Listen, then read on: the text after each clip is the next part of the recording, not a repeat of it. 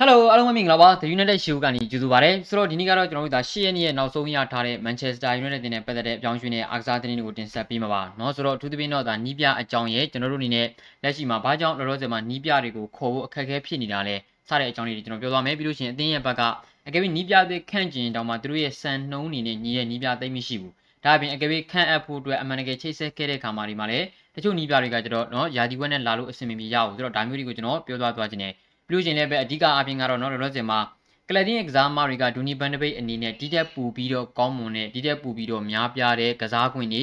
ရတင်နေဆိုပြီးတော့ကျွန်တော်လက်ရှိမှာပြောထားတယ်ဆိုတော့ဒါတွေကိုကျွန်တော်ပြောသားချင်ပါတယ်เนาะဆိုတော့ဒီနေ့ကတော့ဗျာကျွန်တော်တို့ဟိုမန်ချက်စတာစီးတီးတင်းကိုရှုံးပြီးတော့တောက်လျှောက်ပြောစရာရှိတာဆိုလို့ကျွန်တော်နီးပြအကြောင်းပဲရှိတယ်နော်ကလပ်တင်းရဲ့ဘက်ကဘရန်ဒန်ရိုဂျာကိုနှုတ်အားဖြင့်သဘောတူညီမှုရခဲ့တဲ့ဆိုတဲ့အရာတွေရောလက်ရှိမှာရိုဂျာကိုခေါ်ဖို့အတွက်အခက်အခဲဖြစ်နေတဲ့ဆိုတဲ့အရာတွေရော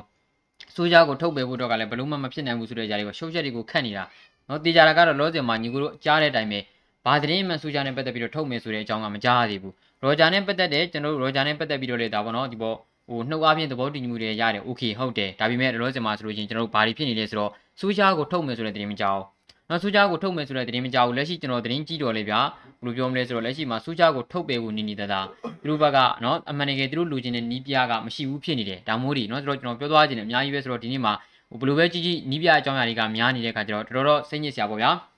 ဒါပေမဲ့ကျွန်တော်မနေ့ပြန်မှာပေါ့နော်ဟိုမနေ့ပြန်လောက်ဖြစ်ဖြစ်ပေါ့ကျွန်တော်တို့ဒီဘယ်လိုပြောမလဲဆိုတော့ဒီဟိုတနေ့ဟိုတခါကလိုမျိုးကျွန်တော်တို့ဒါပေါ့နော်တခြားမန်ချက်စတာနဲ့တင်ရပြည်သက်တရားနဲ့ကျွန်တော်တို့ဒါ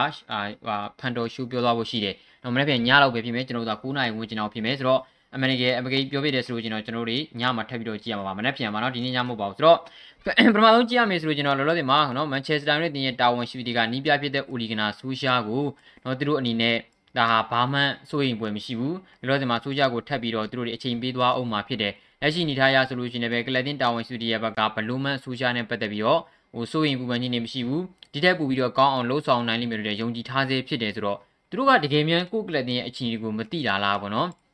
ဟိုပြီးလို့ရှိရင်လည်းဒါမှမဟုတ်တည့်ရတန်းနဲ့မျက်ကွယ်ပြုတ်ထားတာလားဘလို့အကြောင်းအရာတွေကြောင့်စူးကြကိုဆက်ထားကျင်တာလေပေါ့ဒါတွေကဟိုမေးခွန်းထုတ်စရာကြီးဖြစ်လာတယ်ဗျာကိုကလတင်ရဲ့ဘက်ကတရားဒီလုံးအတိုင်းတာနဲ့ရလက်မကောင်းပါဘူးဆိုမှပဲ သိတယ်မလားအခုလက်ရှိဒီရလက်ကောင်းအောင်လုပ်ပေးနိုင်တဲ့နီးပြကိုမထုတ်ဘူးဆိုတော့ကျွန်တော်တို့ကလတင်ရဲ့ရည်ရွယ်ချက်ကဘာတော့ဗျာအဲ့တော့မှသူများသိနေတီးတီးထုတ်နေကြတယ်โอเคသူများထုတ်တိုင်းထုတ်ရမယ်တော့မဟုတ်ဘူးဒါပေမဲ့အခုကလတင်ရဲ့လက်ရှိအနေထားကသူများမထုတ်လဲထုတ်ရမယ်အနေထားရောက်နေပြီကျွန်တော်တို့ကလတင်မှာကโอเคအပြောင်းလဲမလုပ်ဘူးဆိုလို့ချင်းကျွန်တော်တို့ကလတင်ရဲ့ရည်ရွယ်ချက်ကဘာတော့ဗျာဒီယာဒီဘောလုံးကန်ရချင်းရဲ့ရွေချက်ကဘာတော့ဟုတ်တယ်မလားစူပလာရကျင်လို့လားဒါမှမဟုတ်တော်ဖိုးဝင်ယုံပဲလားဒါမှမဟုတ်တော်တန်းဝင်ယုံပဲလားဒါတွေကိုကျွန်တော်တို့မေးရတော့မယ်ပြီးခဲ့တဲ့ယာဒီကအဆင့်နှစ်နဲ့ယာဒီသိမ်းခဲ့တယ် โอเคဆိုတော့ဒီယာဒီမှာကျွန်တော်တို့နောက်ထပ်เนาะနွေယာဒီပေါင်းရှင်မှာရိုနယ်ဒိုကိုခေါ်တယ်ဆန်ချူကိုခေါ်တယ်ဘာရန်ကိုခေါ်တယ်တွမ်ဟီတန်ကိုကျွန်တော်တို့အလွတ်နဲ့ခေါ်တယ်ဆိုတော့တွမ်ဟီတန်ကတော့ဒါကျန်တဲ့ကစားမတွေအားလုံးကကမ္ဘာစင်ကစားမတွေကြီးရွယ်တယ်ဒါမှမဟုတ်ကစားမတွေကိုခေါ်ခဲ့တယ်ပြီးခဲ့တဲ့နွေယာဒီပြီးခဲ့တဲ့ယာဒီကလည်းအဆင့်နှစ်နဲ့ယာဒီသိမ်းခဲ့တယ်โอเคဆိုတော့ဘာကြောင့်ကျွန်တော်တို့တန်းယာကြီးသုံးခဲ့တာလဲဘာရွယ်ချက်နဲ့သုံးခဲ့တာလဲတန်းယာကျော်ကဟုတ်တယ်မလားဒါကိုမေးရတော့မယ်โอเคဆိုတော့ကျွန်တော်ကလန်ဒီယမ်မှာကโอเค ပြီးခဲ့တဲ့ယာဒီကကွာလုံးဝဟိုဘယ်လိုလဲဆိုတော့ဖလားရအောင်အစင်းနဲ့တိန်းနေတာဆိုတော့ဒီယာဒီမှာဖလားရဖို့ဖြစ်တယ်ဆိုတော့လောလောဆယ်အခြေအနေကိုကျွန်တော်ကြည့်ရမယ်လက်ရှိအခြေအနေကဖလားရနိုင်ခြေရှိတဲ့အခြေအနေကိုရှိရလား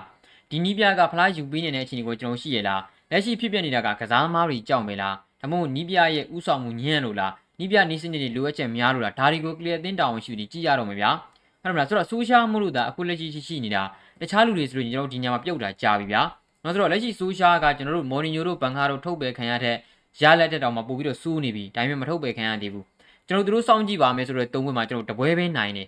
သူတို့စောင့်ကြည့်ပါမယ်ဆိုတော့၃ဘွဲမှာတပွဲပဲနိုင်တယ်နောက်ဆုံးပရီးမီးယားလိ16မှတ်ရနိုင်တဲ့အနေထားက၄မှတ်ပဲရထားတယ်ကျွန်တော်တို့ဒီလိုပုံစံမျိုးကဘယ်လိုလုပ်ပြီးတော့ဆက်ပြီးတော့ဘယ်လိုပြောမလဲဆိုတော့ဒီပေါ့ဒီတက်ပိုကောင်းတဲ့အစီအစဉ်တွေကျွန်တော်တွေ့ရနိုင်ပါတယ်။ Okay ဝက်ဖုန်နဲ့ပွဲစဉ်မှာနိုင်ပါပဲ။ဝက်ဖုန်နဲ့ပွဲစဉ်မှာနိုင်ပြီးတော့ဒါပေါ့နော်ဟိုကကြိုးကြောင်နိုင်ရင်နိုင်သွားမှာပဲဗျာဝက်ဖုန်နဲ့ပွဲစဉ်မှာလည်းနိုင်သွားတယ်ဒါပေမဲ့နောက်ထပ်ဘာတွေနဲ့ချဲစီနဲ့တွေ့ရမယ်အာဆင်နယ်နဲ့တွေ့ရမယ်စလိုက်လာတော့မှာ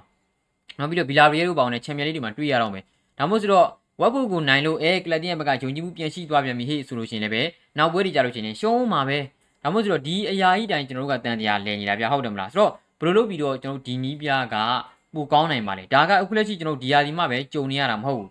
နီးပြဖြစ်တဲ့ဦးလီဂနာဆိုကြစကင်ကလေးကသူ့ကိုယာယီနီးပြခန့်လိုက်တဲ့အချိန်မှာရတဲ့တောက်လျှောက်ကောင်းတယ်โอเคရာယာယီနီးပြကခန့်ပြီးတော့တရားဝင်နီးပြလည်းခန့်လိုက်တော့ရတဲ့တောက်လျှောက်ဆူတယ်ယာဒီကမှအဆင့်6နဲ့တိမ့်တယ် နောက်ထပ်တရားဒီမှာကျွန်တော်တို့တော့ရလက်ဒီကောင်းနေကောင်းနေကောင်းနေပြန်ဆိုးသွားပြန်တယ်။ Okay မင်းရလက်ဒီကတော့တအားဆိုးနေပြီ။ပွဲချက်ကာလာဒီမှာမင်းကိုကြည့်ရတော့မယ်။ပွဲချက်ကာလာဒီမှာအကွေးကြော်ကြော်ဖြတ်သွားတယ်။ယာဒီကုန်းကြီးရှိသွားတယ်။ယာဒီကုန်းနဲ့ကကျွန်တော်ခြေစွမ်းကဆုတ်ပြတ်တဲ့နေရော။နော်အဆင်တော်တက်ဖို့တာဝင်သွားတယ်။ပြီးခဲ့တဲ့ယာဒီဆိုလို့ရှိရင်လည်းကျွန်တော်တို့ကြည့်ယူရိုပါလိပိုလီပွဲမှာမဖြစ်သင့်တဲ့အရာတွေကျွန်တော်ဖြစ်ခဲ့ရတယ်။အဲ့ဒီရှိမတိုင်ခင်မှာကျွန်တော်တို့ကလပ်တင်ဘက်ကလုံးဝနီးပြကိုထုတ်ပယ်လို့ရမယ့်အခြေအနေတွေကျွန်တော်ရှိခဲ့ရတဲ့အတိုင်းမထုတ်ပယ်ခဲ့ဘူး။အခုလက်ရှိချိန်ထိဒီနေ့ကျွန်တော်လည်းဆက်ဖြစ်ပြန်ပြီ။လောလောဆယ်ကထုတ်ပယ်ဖို့အကောင်းဆုံးချိန်ပဲဗျာ။ ကျွန်တော်ဂျားထဲမှာ international break နှစ်ပတ်ရှိတယ်ဒီနှစ်ပတ်တော့ဒီမှာနီးပြအသစ်လာရင်တော့မှတိုင်းတာတစ်ခုတည်းသူအထိုင်ကျအောင်လုပ်ပြီးလိုက်လို့ရတယ်ဒီနေရာမှာကျွန်တော်ကအခုချိန်ထိမထုတ်သေးဘူးเนาะ Norway အသင်းကကျွန်တော်တို့အနေနဲ့ဟိုပေါ့နော်သူကအဲသူ့နီးသူတို့ရဲ့နီးပြဖြစ်သူကိုเนาะနိုင်တယ်ဒါပေမဲ့ထုတ်လိုက်တယ်ဘာလို့လဲဒီတက်ပူကောင်းတဲ့ရလက်တွေသူတို့ရကျင်နေဗျာဒီနီးပြိုင်းနဲ့ဒီတက်ပူကောင်းနိုင်ပွဲမရှိဘူးဆိုတာသူတို့သိတယ်ဆိုတော့ဒီတက်ပူကောင်းတဲ့ရလက်တွေရကျင်တယ်တန်းစင်းစုံကလွတ်ဖို့ဆိုတဲ့ရည်ရွယ်ချက်ကသူတို့ရဲ့ရည်ရွယ်ချက်ပဲ ဆိုတော့တန်းစင်းစုံကလွတ်ဖို့ဆိုလို့ချင်းနော်ဝေကဒီတက်ပူကောင်းမှရမယ်ဆိုတော့ဒီနီးပြနဲ့အဆင်မပြေဘူးမိမမေနိုင်ကျင်နိုင်မနိုင်ကျင်နေပူမကောင်းနိုင်တဲ့နီးပြဖြစ်တဲ့ထုတ်ပလိုက်တယ်နော်အက်စတိုမီလာတင်းရဲ့နီးပြနော်ဂျက်ဂရီလစ်ကိုရောင်းတယ်ပြီးခဲ့တဲ့ရာသီကကစားမ3လေးခုတော့ဒန်နီအင်းတို့နော်လီယွန်ဘေလီတို့ပြီးလို့ချင်းကြောင့်ဝင်ဒီယာတို့ဒါမှမဟုတ်ကစားမတွေခေါ်ခဲ့တယ်နော်အခုလက်ရှိမှာဆိုလို့ချင်းတော့ကောင်းတင်းတော့ကောင်းမလားဘူးโอเคထုတ်ပလိုက်တယ်မစင်စားဘူးထုတ်ပလိုက်တယ်ဘာလို့လဲသူတို့ဒီတက်ပူကောင်းနေတယ်ဗျာဝက်ဖို့ရဲ့နီးပြထုတ်ပလိုက်တယ်ရီနီယာကိုခန့်ပလိုက်တယ် ဆိုတော့ဒါတွေကိုကြည်ချင်းအပြင်ကျွန်တော်တို့နော်တခြားအသင်းတွေကတော့နီးပြတွေကိုထုတ်နေကြတယ်ဘာလို့လဲဆိုတော့ဒီနီးပြတွေအတိတ်မှာဘလောက်ပဲလှုပ်ပေးခဲ့လှုပ်ပေးခဲ့သူတို့ပူကောင်းတဲ့ရလက်ရအောင်သူတို့စွမ်းဆောင်နိုင်ဖို့မရှိတော့ဘူးလို့သူတို့ယုံကြည်ထားပြီးသားဆိုတော့ကကြတော့မင်းမင်းနိုင်နိုင်တည်ကြကြရှုံရှုံဒီနေ့ပွဲတင်ပြီးတာနဲ့ထုတ်ပလိုက်တယ်ဘာလို့လဲသူတို့ဒီရက်ပူကောင်းနေတယ်ဒါဟာသူတို့ရဲ့ရွေချက်ပဲလက်ရှိရှိတဲ့အနေအထားတွေသူတို့ပူကောင်းနေတယ်ဆိုတော့ကိုကလိုက်တင်ကဘာတော့ဗျာအာဆင်နယ်ကကျွန်တော်တို့အထက်ရောက်သွားပြီ နော်အာဆင်နယ်ကအဆင့်ကကျွန်တော်တို့ကအဆင့်6ရောက်သွားပြီဟိုကျွန်တော်တို့ရဲ့အောက်မှာအသင်းကြီးတသင်းမှမရှိတော့ဘူးဆပါကလောစမှာအသင်းကြီးလို့ကျွန်တော်ပြောလို့မရဘူးနော်ဆိုတော့ကျွန်တော်တို့အောက်မှာအသင်းကြီးမရှိတော့ဘူးအားလုံးကအပေါ်ကိုရောက်ကုန်ပြီနော်အာဆင်နယ်လည်းအပေါ်ကိုရောက်ပုံပြီဝက်ဆန်လည်းအပေါ်ကိုရောက်နေတယ်ဆိုတော့ကျွန်တော်တို့ကလပ်တင်ရဲ့ဘက်ကလောလောဆယ်မှာဆိုလို့ရှိရင်ဗျာပရီးမီးယားလိမှာအဆင့်6မှာရက်တည်နေတယ်ကျွန်တော်တို့နော်ပွဲစဉ်က7ပွဲကစားပြီးသွားပြီပွဲစဉ်7ပွဲကစားပြီးသွားပြီဆိုတာအစာပိုင်းလို့ကျွန်တော်တို့ပြောလို့မရတော့ဘူးနော်38ပွဲရှိတဲ့ပွဲစဉ်မှာကျွန်တော်တို့7ပွဲကစားပြီးသွားပြီဆိုတာကကျွန်တော်တို့တော်တော်ကိုများလာပြီ ဒီချီနေတိုင်းတာဒီကလပ်တင်းကရုံးကန်နေရတယ်ဆိုတော့တိတ်တော့မကိုက်ဘူးဗျာသိတယ်မလားဖလားရယူနိုင်စွမ်းရှိတဲ့အသင်းတွေကသူ့အနေနဲ့သူအဆင်ပြေနေတယ်ဆိုတော့ဒီနီးပြားကဒီချီနေကိုသူတို့ပြောင်းလဲနိုင်မယ်လို့ကလပ်တင်းဘုတ်ဘွက်ဝင်တွေကယုံကြည်နေတယ်နော်မန်ချက်စတာစီးတီးတင်းနဲ့ပွဲစဉ်ပြီးသွားတယ်ပြည်သက်တဲ့ဝေဖန်မှုမြင့်တက်လာတယ်ဆိုရှယ်မီဒီယာပေါ်မှာပြည်သက်တွေရဲ့တောင်းဆိုမှုတွေမြင့်တက်လာတယ်အသင်းတောင်းရှိတဲ့ဂီယူးဆိုင်ဘူးဂီယူးဆိုင်ဘူးဘာလို့လဲဆိုတော့သူတို့အကြံဉာဏ်ကြီးရယူတဲ့သူတွေကကျွန်တော်တို့ရဲ့လဲချန်ကစားမားတွေဖြစ်နေတယ် လေဂျန်ကစားမတွေရဲ့ပြောစကားတွေရဲ့သူတို့နားတွေကိုရောက်တယ်လေဂျန်ကစားမတွေကလည်းဆူရှာကသူတို့ရဲ့တငယ်ချင်းသူတို့ရဲ့အသင်းပေါ်ဆိုတဲ့ကကြတော့ထုတ်ဖို့ဘယ်သူမှမပြောကြဘူးကစားမတွေကိုအပြစ်တင်တယ်ပွဲအချိန်ဒီပေါ်တွေမှာအပြစ်တင်တယ်ကစားခွက်ပြောင်းတာကိုအပြစ်တင်တယ်ဆူရှာကိုဘယ်သူမှပါမမပြောကြဘူးဆိုတော့ဥခိတာဆူရှာအပြစ်မဟုတ်ဘူးဆိုတဲ့ပုံစံမျိုးနဲ့အသင်းဘက်ကဆက်ထားတယ်ဒါမို့လို့ဆိုတော့ကျွန်တော်တို့လက်ရှိမှာအိုဒီဂနာဆူရှာနဲ့ဒီယာဒီမှာဘာအောင်မြင်မှုမှမရနိုင်ဘူးနော်လာမယ့်နေ့ဒီမှာဝက်ဖို့ကိုနိုင်ကောင်းနိုင်လိမ့်မယ်နောက်နေ့ပွဲစဉ်ကြီးရင်ရှုံးမှာပဲရှုံးပြီးတော့ဘာဖြစ်လဲနော်အာဆူညမ်းလာပြီပြီးလို့ချင်းထုတ်လာဆိုတော့လည်းမထုတ်ဘူး လောဆယ်မှာအရင်တုန်းကကျွန်တော်တို့စူးရှားကိုဆက်ကြည့်မယ်ဆိုပြီးတော့၃ပွဲသူတို့တွေအချိန်ပေးခဲ့တယ်အဲ့ဒီ၃ပွဲမှာ၄မှတ်ပဲရတယ်ဗျာ၃ပွဲမှာ၉မှတ်ရနိုင်တဲ့နေတာက၄မှတ်ပဲရတယ်အက်တနာနဲ့ပွဲစဉ်မှာတည်တမှတ်ပဲရတယ်စပါးနဲ့ပွဲစဉ်မှာ၃မှတ်ရတယ်နော်စပါးနဲ့ပွဲစဉ်ကအချိန်ဒီကိုညီကိုကြည့်လိုက်အောင်ဗျာနောက်တန်းကို9ယောက်10ယောက်လောက်ပိတ်ကစားတာဘယ်တော့မှရင်နာဖို့ကောင်းတယ်စပါးလူအသင်းနဲ့နောက်တန်းပိတ်ကစားတယ်နိုင်နာကနိုင်နာပဲဆိုတော့ဘာကစားပုံဘာနီးစနစ်မှလည်းမရှိခဲ့ဘူးအခုလက်ရှိဆိုလို့ရှိရင်လည်းအဲ့လိုပဲဆိုတော့ပြောချင်တာကကျွန်တော်တို့ကလပ်တင်ရဲ့ရီမန်းချက်ကဘာတော့ဟုတ်တယ်မလားဖလားရချင်တာလား ဒါမှမဟုတ်အဆင့်1 to 10ပဲဝင်ကျင်တယ်လား okay 1 to 10ပဲဝင်ကျင်တယ်ဆိုလို့ကျင်တော့အခုလက်ရှိအချိန်ကြီးကအဆင်ပြေတယ်နော်သူတို့တုံးထားတဲ့တန်းရာကျော်ဆိုတာကလည်း1 to 10ဝင်မှုအတွက်ပဲလားဟုတ်တယ်မလားဆိုတော့ဒါပေမဲ့ကျွန်တော်တို့ကလပ်တွေမှာကမ္ဘာ့ဆင့်ကစားမတွေအများကြီးရှိနေဗျာဒီတက်ပူကောင်းရမယ့်အခြေအနေကိုရောက်တင်နေပြီဒါမို့ဆိုတော့ကကျွန်တော်အတင်းတောင်းရှိကြီးဘက်ကနော်အာမထုတ်သေးဘူးမိမမြင်ဆိုးချာဘာပဲဖြစ်နေဖြစ်နေမထုတ်သေးဘူးလောလောဆယ်မှာတော့ငါတို့ဆိုးချာကိုယုံကြည်နေစေဒီအခြေအနေတွေကိုပြောင်းပြန်လှန်ပြီးတော့ပြန်ကောင်းအောင်စွမ်းဆောင်နိုင်နေမယ်လို့ယုံကြည်နေစေဆိုတော့ဟိုတကယ်ကိုဗျာတိတယ်မှာဘောလုံးနဲ့ပတ်သက်လို့ရှိရင်သူတို့မှာဘာမှမသိတော့ဘူး နော်သူတို့တွေကကျွန်တော်တို့အားလုံးသိတဲ့နာမည်နော်ကျွန်တော်တို့ဒီအမေရိကန်တတိတွေကရောက်လာကြတဲ့ကဘာတွေဖြစ်လာလဲဆိုတော့သူတို့အနေနဲ့ဘလူးပဲဖြစ်ဖြစ်မန်ချက်စတာနဲ့တင်ရဲ့ပုံရိပ်ကိုအသုံးချပြီးတော့ဘလူးငွေနှိုက်ယူရမယ်ဒါကိုပဲကြည့်နေကြတဲ့သူတွေဘောလုံးလုံးလေးရှိတဲ့သူတွေဘယ်မှရှိတာမဟုတ်ဂလေသာမိသားစုတို့ချင်းဝေလာဝေးဗျာပြီးတော့ချင်းကျွန်တော် Edwards လို့ပူဆူနော် Richard Arnold တို့ဘာလို့ဆိုလို့ချင်းလည်းဘာထူးမှာတော့ဟုတ်တယ်မလားဒီလူတွေပဲသူတို့တွေခန့်ထားတာနော်ဆိုတော့ John Madoff တို့ဘာလို့ဆိုလို့ချင်းလည်းဗျာလူငယ် Academy ကနေပြီးတော့ခုလက်ရှိအားကစားဒါရိုက်တာဖြစ်ခန့်ထားတဲ့သူတွေဒါမို့လို့ဆိုတော့ကလပ်တင်းရဲ့ဘက်ကအဓိကထိတ်ခေါင်ကလူတွေက ဘောလုံးနဲ့ပတ်သက်တဲ့ဟိုပေါ့ knowledge မရှိကြတဲ့အခါမှာတကယ်ထုတ်တဲ့အချိန်မှာဟိုတခြားလူတွေရဲ့စကားနားထောင်နေတယ်သူတို့ကလည်းဆုံးဖြတ်ချက်မချနိုင်ဘူးဆိုတော့ဆိုရှားကပဲအမှန်တကယ်ပြန်ကောင်းအောင်လုပ်ပေးနိုင်မယ်လို့သူတို့ထင်နေကြတာဒါကြီးကလုံးဝကိုမဖြစ်တင်တာကြီးဗျာနယ်လဘိန်းတို့နေကြည့်ရင်တော့မှဆိုရှားကလောလောဆယ်မှာထုတ်တင်နေပြီလားသိနေပြီသူတို့တွေကပူဆိုးတဲ့သူတွေဖြစ်နေတော့ဒါမှမဟုတ်ဆိုတော့အတင်းရဲ့ဘက်ကတော့ကျွန်တော်တို့သိကြတယ်လောလောဆယ်မှာအိုလီဂနာဆိုရှားကိုဒီချီတိုးတွေမှာဘလို့မှထုတ်မဲ့ပုံမပေါ်သေးဘူးနော်ဂါရီယန်တို့ဘာလို့ကလည်းဖော်ပြထားတယ်မန်ချက်စတာစီးတီးတင်းကိုတော့ okay ဟုတ်တယ်ရှုံးခဲ့တယ်ဒါပေမဲ့ ဝက်ဖုန်နဲ့ပွဲစဉ်မှာလည်းဆက်ပြီးတော့ကင်တွယ်ခွင့်ပေးဦးမယ်။ဘာလို့လဲဆိုတော့ဝက်ဖုန်နဲ့ပွဲစဉ်ကစပြီးတော့စူရှာကကျွန်တော်တို့ပေါ့နော်ပြန်ပြီးတော့ကောင်းအောင်လုပ်ပေးနိုင်မယ်လို့သူတို့ယုံကြည်ထားတယ်ဒါအပြင်စူးရှားကိုယ်တိုင်ကလည်းကစားသမားတွေကိုသူကိုယ်တိုင်ကရောပြောထားတယ်ကစားသမားတွေကိုလည်းသူပြောထားတယ်ဘာလဲဆိုတော့ဝက်ဖုန်နဲ့ပွဲစဉ်မှာအမှန်တကယ်ကိုနိုင်ပွဲစာလောင်နေတဲ့ပုံစံနဲ့ကစားမှရမယ်ဒီရာဒီမှာဝက်ဖုန်နဲ့ပွဲစဉ်ကစပြီးတော့အကုန်ပြောင်းလဲမှရမယ်ဒါဗရင်ချင်းရှိနေပြီတော့ကျွန်တော်တို့ Everton တင်းတဲ့ပွဲစဉ်တော့လည်းအဲ့လိုပြောတာပဲ Everton တင်းတဲ့ပွဲစဉ်မှာတစ်ဖက်တစ်ခုတည်ကြတယ်အဲ့ပွဲပြီးတဲ့က International Break နားရတယ် အဲ့ဒီ International Break နားအော်ကစားသမားတွေက International Break နားပြီးတဲ့အခါမှာလန်လန်ဆန်းဆန်းနဲ့ပြန်လာကြမှာလန်လန်ဆန်းဆန်းနဲ့ပြန်လာကြပြီးတော့လက်စတာနဲ့ပွဲစဉ်မှာပြန်ကောင်းအောင်ကစားနိုင်ပါလိမ့်မယ်လက်စတာနဲ့ပွဲစဉ်မှာကျွန်တော်ပြန်ပြီးတော့အကောင်းအောင်เนาะအစားဆုံးပြန်ပြီးတော့ပြင်ဖို့လိုပြီပြောခဲ့တာတူဖိုးနဲ့ရှုံသွားတယ်เนาะဖိုးတူးနဲ့ရှုံသွားတယ်အခုလက်ရှိလေဒီတိုင်းပဲပြောရမယ်တရားဒီလုံးတိုင်းတာနဲ့ဒီလိုပြောလာတော့မှာဗျာအစင်ဖိုးအစင်လေးဝင်မှုဆိုတာကကျွန်တော်တို့မတွေးရတော့ဘူးဒီချိန်ကြီးကတော်တော်ကိုစူးစူးဝါးဖြစ်နေပြီဟုတ်တယ်မလားအတင်းဘက်ကဟိုဟိုဆုံးဖြတ်ချက်ချတင်တာတွေမှာဗျာလိုအပ်ချက်တွေအများကြီးရှိနေတယ်เนาะ လက်ရှိဆိုးရှားအနေနဲ့ကျွန်တော်တို့နိုင်ခဲ့တဲ့ပွဲစဉ်တွေကိုကျွန်တော်တို့ကြည့်ကြည့်အက်တန်နာကိုတစ်ဖက်နှစ်ကူးစီသေးကြတယ်ကန်ကောင်းလို့နော်ဟုတ်တယ်နော်ကန်ကောင်းလို့နော်ကျွန်တော်တို့ Aston Villa အဝက်ဆန်တင်ကိုပရီးမီးယားလိဘော1-2နဲ့နိုင်တယ်ကန်ကောင်းလို့ဒီကီယာပင်နတီကာကွယ်လို့နော်ဟုတ်တယ်မလားဆိုတော့တခြားနော်ကျွန်တော်တို့ဒီဟိုဗာလဲဝူဘန်အန်ကိုနိုင်ခဲ့တယ်1စီနဲ့ဒီကီယာကယ်လို့ကန်ကောင်းလို့ဆိုတော့ကန်ကောင်းလို့ရလက်တွေကကက်ကက်လေးနေနဲ့နိုင်ခဲ့တဲ့ပွဲစဉ်တွေအများကြီးဗီလာရီရဲ့တင်ကိုကျွန်တော်တို့ဒီနော်တည်ကြခဲ့တယ်ကန်ကောင်းလို့နော် ဒါမို့လို့ဆိုတော့ဗျာအက်တနာတင်းကိုပထမကျုံမှာနိုင်တယ်ကံကောင်းလို့ဘာလို့လဲဆိုတော့ဂိုးတွေကကိုကပဲနောက်ကအမြင်မြင်လိုက်လက်လက်ကစားနေရဆူရှာလက်လက်မှာကံကောင်းတဲ့ပွဲစဉ်တွေရေလို့ကိုမရတော့ဘူးเนาะဆိုတော့အည်သွေးကြောင့်မဟုတ်ဘဲနဲ့ဟိုကစားမားတွေရဲ့တူးချင်းအားထုတ်မှုကံတွေကြောင့်ကျွန်တော်တို့ကရလက်တွေကဗျာကောင်းတဲ့ပွဲစဉ်တွေရှိနေတာဒီတရားဒီလုံးအတိုင်းအတာနဲ့ကျွန်တော်တို့လီဆူနေတဲ့တဲ့ပွဲစဉ်ကလွှဲအခုချိန်ထိဘယ်ပွဲကကျွန်တော်တို့အနေနဲ့အကောင်းဆုံးပုံစံနဲ့နိုင်ခဲ့ဘူးလို့လေစပါးနဲ့ပွဲစဉ်မှာ၃ဂိုးပြတ်တဲ့စပါးတင်းရဲ့နောက်တန်းဒီအမှားက2ဂိုးပါတယ် ဆိုတော့ဒါမို့ဆိုတဲ့အခါကျတော့ဗျာဘယ်လိုလုပ်ပြီးတော့ကျွန်တော်တို့ကလပ်တင်းရဲ့ဘက်ကဒီတက်ပူကောင်းတဲ့ပုံစံတွေကိုကျွန်တော်တို့ပြန်ဖော်နိုင်တော့မှာတော့ကျွန်တော်တို့ကချယ်ဆီကိုအမိလိုက်ရတော့မယ်ဗျာချယ်ဆီကိုရှင်ကစားနေတဲ့အတင်းဖြစ်ရတော့မယ်မန်စီးတီးလီဗာပူးဒီတင်းတွေကိုကျွန်တော်ရှင်ကစားနိုင်ပါလားလက်ရှိမှာတော့ Brighton တို့ West Ham တို့ကလပ်တင်းမျိုးတွေကကောင်းလာပါတယ်ဆိုတဲ့ Premier League တင်းတွေကိုရှင်ကစားနေတာကိုရီတင်းကဂိုးပြတ်ရှုံးခဲ့တာကြီးပဲ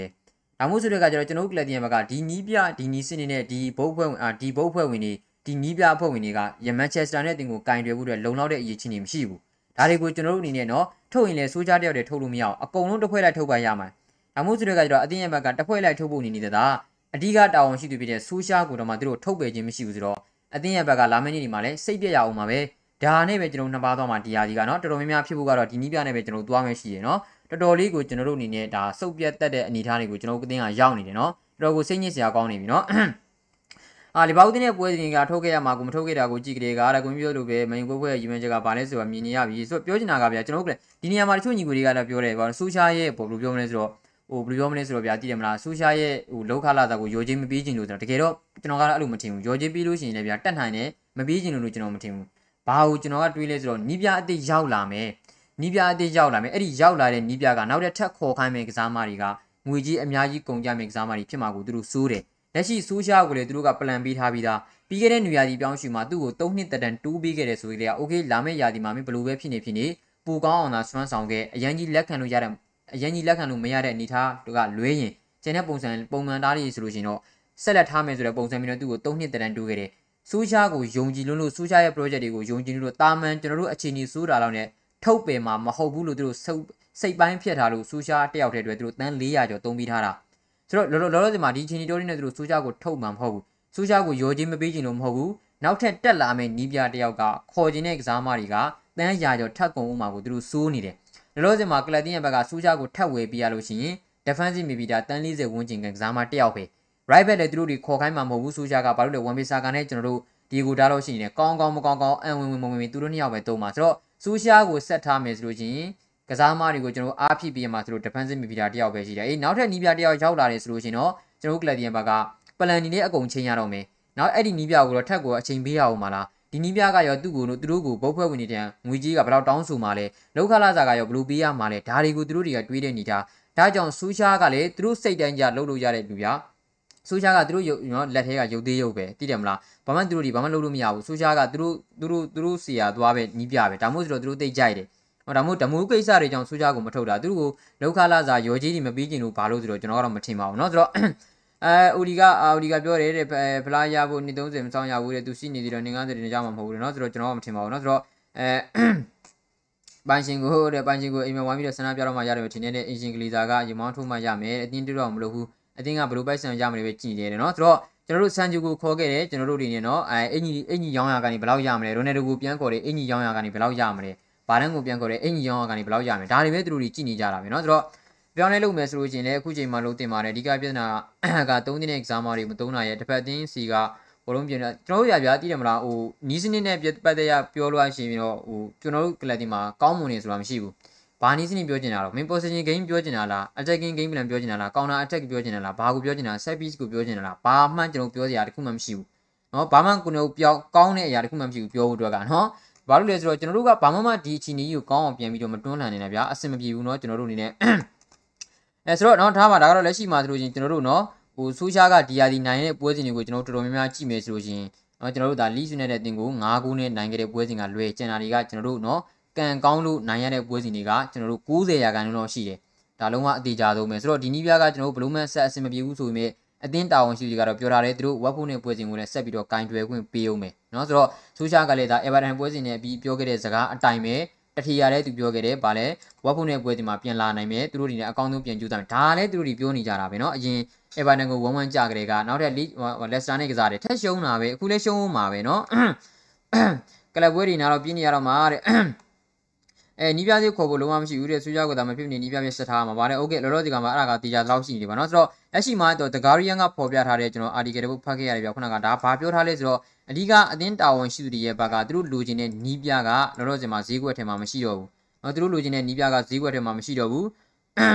အဲဆိုတော့အာဈေးကွက်ထဲမှာမရှိတော့ဘူးเนาะဒါပေမဲ့သူတို့ကဘလူးကိုသဘောကျလဲဆိုတော့ Eric Ten Hag ကိုသဘောကျတယ် Brandon Rodgers ကိုသဘောကျတယ်ဒါပေမဲ့ဒီနှစ်ယောက်စလုံးကသူတို့ကလုံးဝဘယ်လိုပြောရမလဲဆိုတော့ ဒီနှစ်ယောက်စလုံးကဗျာယာဒီဝက်နဲ့လာခြင်းတဲ့သူတွေမပါဘူးကျွန်တော်တို့ဟိုဘရန်ဒန်ရောဂျာကိုလည်းနှုတ်အားဖြင့်သဘောတူညီရခဲ့တယ်လို့ဒါတတိနေထွက်နေတာတကယ်တမ်းယုံကြည်ရတဲ့အများကြီး100%အပြည့်ယုံကြည်ရနိုင်ပါတယ်ဆိုတဲ့ The Guardian တို့နော်ဒီ Football Insider တို့ပြုခြင်းဒါမျိုးတွေကကျွန်တော်တို့ဖော်ပြထားခြင်းမရှိဘူးတကယ်တမ်းပြောလို့ရှိရင်နော်ယုံကြည်ရတဲ့အဆင့် tier 2 tier 3လောက်ကသတင်းဌာနတွေကပဲဖော်ပြထားတာဆိုတော့ okay တကယ်ရောရောဂျာနဲ့ကသတင်းသဘောတူညီရခဲ့တာလားဒါကလည်းမိကွန်းထုတ်စရာဗျာဟုတ်တယ်မလားအဲ့လိုမျိုးဆိုတဲ့အခါကျတော့ အဲ့ဒီတန်ဟာကိုလည်းသူတို့ရဲ့ဘက်ကကျွန်တော်တို့စိတ်ဝင်စားတဲ့သတင်းတွေကအလှန်လှန်ထွက်ပေါ်နေတော့အဲ့ဒီတန်ဟာကဘာပြောထားလဲဆိုတော့သူ့အနေနဲ့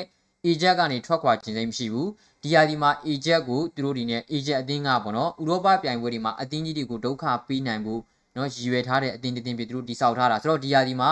ယာဒီဝက်နေတော့သူတို့သူ Eric Ten Hag ကဘယ်အသင်းကိုမှသူပြောင်းမှာမဟုတ်ဘူးလို့သူပြောထားတယ်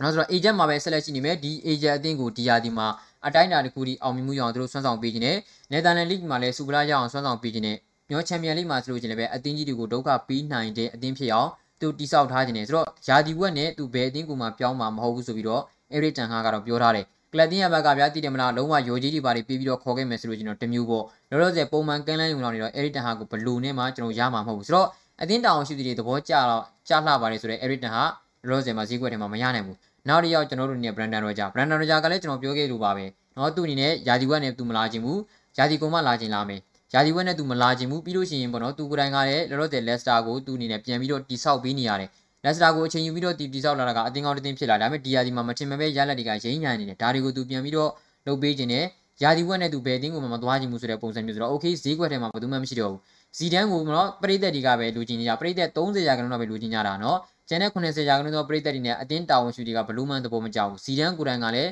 ပြင်သစ်လက်ရွေးစင်အတင်းကိုပဲသူကချိန်နေတယ် ဆိုတဲ့အခါကျတော့လက်ရှိမှာဇီဒန်ကတော့လည်းခက်ဝေးဝေးမှရှိနေသေးပဲနော်ဒါမှမဟုတ်ဆိုတော့ okay ဈေးကွက်ထဲမှာငါတို့ခန့်စီရနီးပြတော့မရှိတော့ဘူးမတက်နိုင်ဘူးအိုလီဂနာဆိုကြကိုဆက်ထားကြမယ်ဆိုတဲ့အတိုင်းပဲဒီတိုင်းပဲကျွန်တော်တို့ဆိုကြကိုဆက်မြင်ရအောင်ပါပဲနော်ဆိုတော့လာမင်းဒီမှာလည်းကျွန်တော်တို့စိတ်ပြရအောင်မယ်လို့ပြောရမှာပဲနော်မထူးဘူးနော်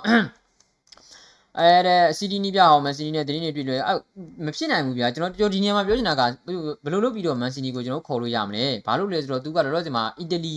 အသင်းနဲ့ကျွန်တော်တို့အကောင်းဆုံးလုပ်ထားနေတာပဲလေအီတလီအသင်းနဲ့နော်သူတို့တွေကယူရိုဖလားရထားတယ်အီတလီအသင်းနဲ့ပဲကမ္ဘာဖလားကိုဆက်သွားအောင်မှာရောဘတ်တိုမန်စီနီကဘယ်လိုလုပ်ပြီးတော့ဒီနီးပြကိုရမှာတော့နော်သတင်းတွေကတော့ဗျာနော်ဘယ်လိုပြောမလဲဆိုတော့ဟို attention ယူခြင်းလို့ရှိရင်ရေးစရာသတင်းတွေကတပုံတစ်ပင်ကြီးဒါပေမဲ့ဗျာကျွန်တော်ဖြစ်နိုင်နေမှာမဖြစ်နိုင်မှာစဉ်းစားတချို့ကလည်း Hansi Flick နဲ့သတင်းတွေနဲ့ဘယ်လိုလုပ်ပြီးတော့ Hansi Flick နဲ့ကရမှာတော့နော်ဂျာမနီနဲ့ရွေးစင်တင်းကိုကင်တာလာပိုင်းပင်ရှိသေးတယ်သူကိုယ်တိုင်ကဒီဂျာမနီကိုကန်ကျင်လို့ဆိုမှဂျူဝါချင်းလို့မထွက်ခင်ကတည်းကသူတို့စာချုပ်ချုပ်ခဲ့တာဘယ်လိုလုပ်ပြီးတော့ဒီနီးပြကိုရမှာတော့ ပူချက်ဒီနိုရနိုင်တယ်မရနိုင်ဘူးမဟုတ်ဒါပေမဲ့ PSG ရဲ့ဘက်ကမထုတ်ပယ်ပဲနေတော့ကျွန်တော်တို့ကလပ်တင်ဘက်ကရော်ကြေးပြီးပြီးတော့ခေါ်ရအကြောင်းမှမရှိဘူးတော့နော်နီးပြတွေကနီးပြတွေကတချို့မှသတင်းတွေတော်တော်များများတွေ့နေရတာဗျာသိတယ်မလားဟိုဘာမှလည်းမဟုတ်ဘူးဒီတချို့သတင်းတွေဆိုလို့ရှိရင်နော်တော်တော်ကျမှတေးကြတဲ့လောက်ကတော့ညီကိုတို့စိတ်ဓာတ်ရှိတာမှာကနော်ကျွန်တော်တို့အဖြစ်တင်ဆုံးအဖြစ်နိုင်ဆုံးတကယ်လို့လုံးဝကိုခန့်တော့မယ်ဆိုရင် Brandon Roger ပဲနော်ဒါပဲကျွန်တော်မြင်နေရတယ်ကျွန်တော်လူချင်ပါတယ်ဆိုတော့ဂျိုအာချင်လိုတို့အဲရစ်တန်ခါတို့နော်ဇီဒန်တို့ရောက်လာဖို့ကအင်မတန်ကိုခဲရင်ပါတယ်နော်တော်တော်တင်နေထားကြတာနော်ဆိုတော့ license နီးပြကိုတွေ့မိတယ် license နီးပြကကျွန်တော်တို့ဒါပေါ့နော် referendum ပေါ့သူကတော့လောစင်မှာဟိုအရင်က Spartak Moscow တို့ဘာလို့မှကိုင်းနေတာထင်နေပြန်နော်သူကတော့65နှစ်လာမှသူရှိဒီဘေးကြီးကနော်လုံးဝတော့အတွေ့အကြုံကတော့လုံးဝရင်းရင်းကြီးပဲသူကခက်တာကသူကစိတ်ဝင်စားတာမန်ချက်စတာနဲ့တင်ကိုကိုင်းဖို့သူကတိုင်းကစိတ်ဝင်စားတာအသင်းတာဝန်ရှိသူတွေရဲ့ဘက်ကစိတ်မဝင်စားဘူးဒါပေမဲ့ဒီဘေးကြီးကတိတ်တော်တာနော်ဟိုအားကစားဒါရီတာတွေရောပြီးလို့ရှိရင်ဒီမလားအစုံလုံးခဲ့တာအစုံအစုံအစုံအစုံဆိုလိုလုပ်ခဲ့တာ ဒီဘေးကြီးကလုံးဝသူ့ရဲ့နော်ဒီပေါ်ဒီ professional level မှာနီးပြတနေရာတည်းမဟုတ်ကျင်းတဲ့နေရာတွေအများကြီးပဲကျင်းနေခဲ့တဲ့ဒီဘေးကြီးနော်အခုပါနော်ဘာဘာဘာလဲဒီဘယ်လိုပြောမလဲဆိုတော့ live စစ် live စစ်အတင်းကိုနော်နီးပြခန့်ပြီးလိုက်တဲ့အတင်းမှာ Julian Nagelsmann တို့ဘာလို့ဆိုတာသူခန့်ပြီးထားတဲ့သူအဲဒါမှမဟုတ်ဆိုတော့ဒီဘေးကြီးကတော့ကောင်းတော့ကောင်းတယ်ခက်တာကသူကစိတ်ဝင်စားပြီးတော့တခြားလူတွေကစိတ်မဝင်စားဘူးဖြစ်နေတာဗျာနော် ဝေးတဲ့ Facebook မှာ Premier လွှင့်တာကိုချုပ်သူတွေက live လွှင့်နေထင်ပြီးတော့ comment တွေမှာဝင်မင်းကြတာတဲ့သူတို့မေးရမဖြစ်လို့ဘယ်လိုကိုနည်းနည်းတင်းနေကြတယ် sorry ပါဗျာနော် Facebook မှာကကျွန်တော်က live လွှင့်တာမဟုတ်ဗျာနော် YouTube မှာပဲကျွန်တော်က live လွှင့်နေတာဆိုတော့ Premier လောက်တာဗျာနော်ဆိုတော့အေးညကြလို့ရှိရင်တော့နည်းနည်းအဆင်ပြေတဲ့ချိန်လေးရှိလို့ရှင်တော့အဲ့ဒီ comment လေးတွေကိုပြန်ပေးပါမယ်နော် sorry ပါဘာလို့လဲဆိုတော့သူက direct live မဟုတ်တော့နော် Facebook ကညီကိုဒီ sorry ပါဆိုတော့အဲဆိုတော့အဲဆိုတော့အတင်းကဂလီဇာမိသားစုရဲ့အဲတဲ့ ဘယ်ထိစုပ်ရဖြစ်နေဦးမှာလဲနော် can you discuss with me for about united နော် okay ပါဆိုတော့အာဆိုတော့နော်စူဂျာကိုမထုတ်ဘူးဆိုလို့ချင်း defensive midfield တယောက်ခေါ်ပေါ်တော့ဒါပဲရှိတော့တာတဲ့နော် defensive midfield ခေါ်ပြီးလေဗျာအရန်ကုန်မရောက်ဖို့ပဲစူတောင်းအောင်ပါကျွန်တော်တို့စုနော်ဂျီဒန်ဆန်ဂျူကိုအရန်လူချင်းခဲ့ပါတယ်ဒီကစားမကအလုံးဝအရန်ကုန်ကိုရောက်မှာမဟုတ်ဘူးလို့ထင်ခဲ့တာတောင်မှအရန်ကုန်ကိုရောက်သွားသေးတာပဲနော်ဆိုတော့ဝက်ဖုန်နဲ့ပွဲစီမှာတော့ပါကောင်းပါလာနေမယ်ဝက်ဖုန်နဲ့ပွဲစီမှာ तू ခန်းစစ်၃အောင်တန်ကစားလို့ရှိရင်မဟုတ်တော့ဘူးဒါနော် ဝက်ဖုန်နဲ့ပွဲစီမှာခန်းစစ်၃အောင်တန်လေးကစားတယ်ကွင်းလေးမှာလည်း friend နဲ့တူမီနေပဲဆိုလို့ကျွန်တော်မဟုတ်တော့ဘူးနော်အဲစူးကြကိုမထုတ်ဘူးအဲစူးကြကအချက်ကွင်းနေတာနိုင်နေဖြစ်နေအော်မိုက်ဖီလန်ကိုယာတီကုံထိကန်ကန်လိုက်ပါလားစူးကြနေတော့မလွယ်ဘူးကိုမြည်တယ်သူတို့ပြောချင်တာကဗျာသိတယ်မလားဟိုမိုက်ဖီလန်တို့ဘာလို့လဲတယောက်တည်းကန်လို့ပုံမကောင်းလာနိုင်ဘူးဘာညာတော့ပြောတာမဟုတ်ပါဘူးဒါပေမဲ့တော့တင်မှာမိုက်ဖီလန်တို့ကသူ့ဘေးကနေအကြံပေးနေတယ်ဗျာဟုတ်တယ်မလားမိုက်ဖီလန်ဆိုတာကဆိုင်းလက်ဖာကူဆန်တို့ဘာလို့လဲဖြတ်တန်းခဲ့တဲ့သူသူ့မှာဟိုအတိုင်းအတာတစ်ခုတည်းအတွေ့အကြုံရှိပြီးသား ဆိုတော့စူးကြကတခုခုဆိုလို့ရှိရင်သူကမိုက်ကယ်ကာရီနဲ့ပြောတယ်မိုက်ဖီလန်နဲ့ပြောတယ်ကီရမကီနာနဲ့ပြောတယ်ဒါပေမဲ့သူတို့ရဲ့အကြံဉာဏ်တွေကရောမပြောင်းလဲနိုင်ဘူးလားအခုလက်ရှိကျွန်တော်တို့ကရလက်တွေကစိုးဝါနေတာပြဘာလို့လဲဆိုတော့ Origina ဆိုရကမန်နေဂျာမလို့ကျွန်တော်တို့ကသွားမြင်ကြတာသူပြီးမှလည်းကာရီတို့ကီရီမကီနာတို့မိုက်ဖီလန်တို့ရှိတယ်သူတို့ရဲ့အကြံဉာဏ်တွေကိုယူပြီးမှဟိုတည်တယ်မလားအပြောင်းလဲတွေပါလို့ရတယ်ဗျာနီးပြကသူတို့ချင်တယ်လို့မရဘူးဘာလို့လဲဆိုတော့သူ့ရဲ့ဟိုဘောနော် idea နဲ့တခြားလူတွေရဲ့ idea ထင်မြင်ချက်နဲ့မတူဘူးဆိုလို့ရှိရင်လည်းဒါအတိုင်းအတာတစ်ခုတည်းပေါ့သူတို့တွေကချိန်ပြီးတော့လဲရတာဆိုတော့ဒါမှမဟုတ်တော့ နော်လက်ရှိကျွန်တော်တို့ဒီမှာ my filan ကိုင်းလည်းမထူဘူးကာရိတ်ကိုင်းလည်းမထူဘူးကီရီမကီနာကိုင်းလည်းမထူဘူးဆူချာကိုင်းလည်းမထူဘူးလေးယောက်လုံးပေါင်းကိုင်းလည်းမထူဘူးနော်ဆိုတော့လောလောဆယ်မှာအကုန်လုံးကိုကျွန်တော်တို့အနေနဲ့ပြောင်းမှကိုရမှာအာဆိုတော့တဲ့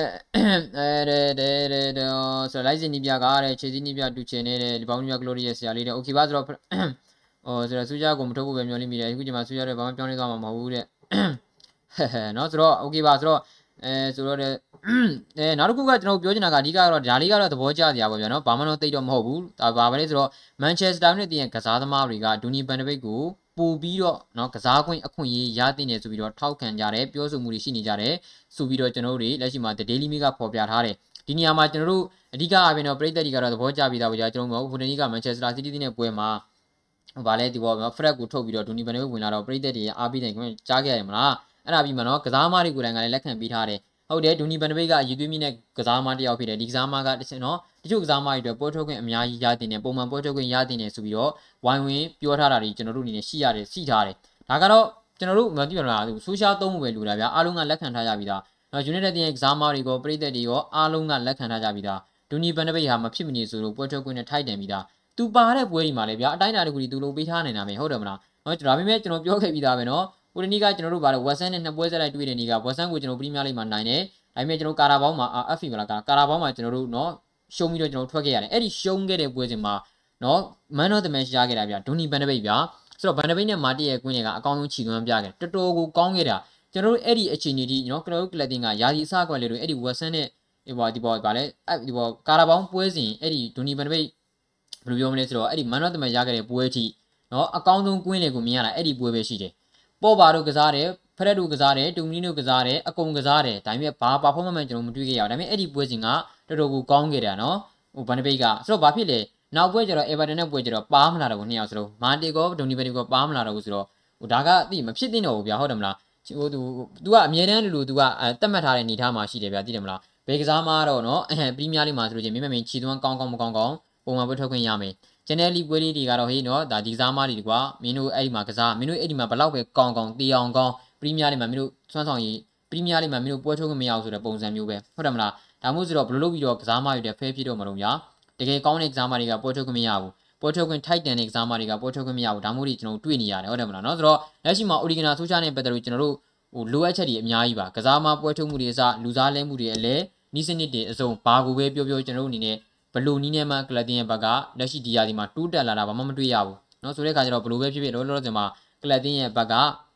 ဒီယာဒီမှာလည်းတော်တော်လေးကိုတိုင်မဲ့သွားတဲ့ຢာတွေရှိတယ်เนาะဆိုတော့အဲဆိုတော့တဲ့အဲစူးဂျာကကောင်တာအတက်ကိုပို့ပြီးအထူးပြုတာလားဘလို့တဲ့လောလောဆယ်မှာကောင်တာအတက်ကိုကျွန်တော်တို့အထူးပြုတာလို့တော့ပြောလို့မရဘူးကောင်တာအတက်နဲ့ဒီယာဒီမှာဘယ်နှကူမြန်းရပြီတော့ဟုတ်တယ်မလားเนาะအဲဆိုအဲတဲ့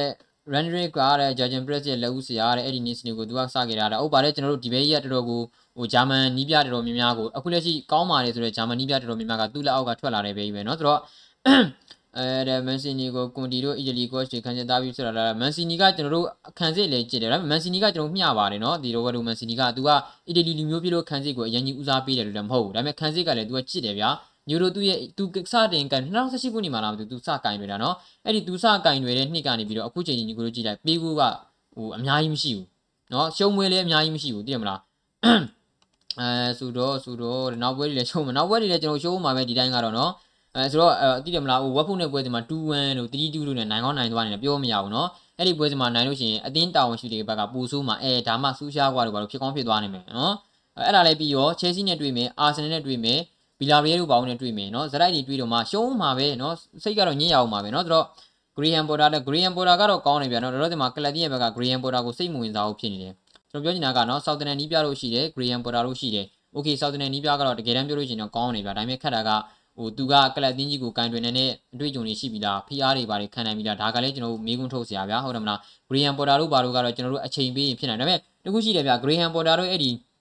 ကလပ်တင်းငယ်တွေကနီးပြတွေကိုခေါ်ကျင်နေဆိုလို့ကျွန်တော်ပရိသတ်တွေရောအတင်းတာဝန်ရှုတွေရောအားလုံးကကျွန်တော်တို့စိတ်ရှည်နိုင်မှရမယ်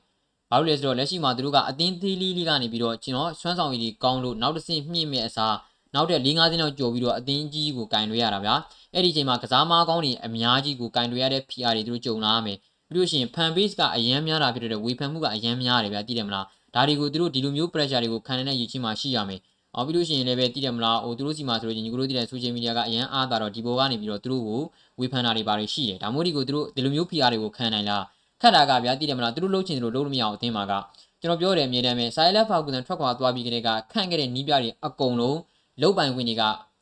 ကျွန်တော်တို့ Adway အောက်မှာရောက်သွားပြီအရင်တော့က Silent Falcon ကြီးကလူဝယ်မှုကအစားဟိုဘုတ်ဖွဲ့ဝင်တွေအထိကစားမားတွေကိုကင်တွယ်တဲ့နီးစနစ်ကြီးအစုံသူကိုယ်တိုင်အားလုံးကို manage လုပ်တာသူထွက်ပြသွားပြီးတဲ့နောက်ပိုင်းမှာ Adway တို့ကအကုန်လုံးကိုသူတို့တွေပြန်ယူပလိုက်တယ်နီးပြတွေက okay မင်းတို့အလွန်ဆုံး manager ရာလို့ပဲ manager ကဘုတ်ဖွဲ့ဝင်တွေကိုတိုက်ရိုက်စကားပြောချင်မှပြောရတော့မှာမန်နေဂျာကဘုတ်ဖွဲ့ဝင်တွေကိုသူတို့လိုချင်တာတွေကိုဓာတ်ရိုက်ပြောချင်မှပြောလို့ရတော့မှာနော်သူတို့လိုချင်တာမရလို့လဲကွန်ပဏီကတက်ခွင့်မရဒါကြောင့်အန်တိုနီယိုကွန်ဒီကိုမခေါ်ခဲ့တာနော် အန်တိုနီယိုကွန်ဒီရဲ့သူတို့ character ကိုမကြိုက်ဘူးအန်တိုနီယိုကွန်ဒီရဲ့ attitude ကိုသူတို့သဘောမကျဘူးဒါကြောင့်သူတို့ဒီအန်တိုနီယိုကွန်ဒီကိုမခန့်ခဲ့တာဒီလိုမျိုးတွေဖြစ်လာမှာစလို့နော်ဒါမို့ဆိုတဲ့အခါကျတော့ကြိုက်တဲ့နီးပြလားကျွန်တော်တို့အနေနဲ့ပြည်သက်တွေကကျွန်တော်တို့ဒါပေါ့နော်ဒီပေါ့အခွင့်အရေးပေါ့ဘယ်လိုလဲအချိန်ပေးနိုင်ဘူးလို့လေဗျာဒီတယ်မလားနော်ဆိုတော့ရောစင်မှာ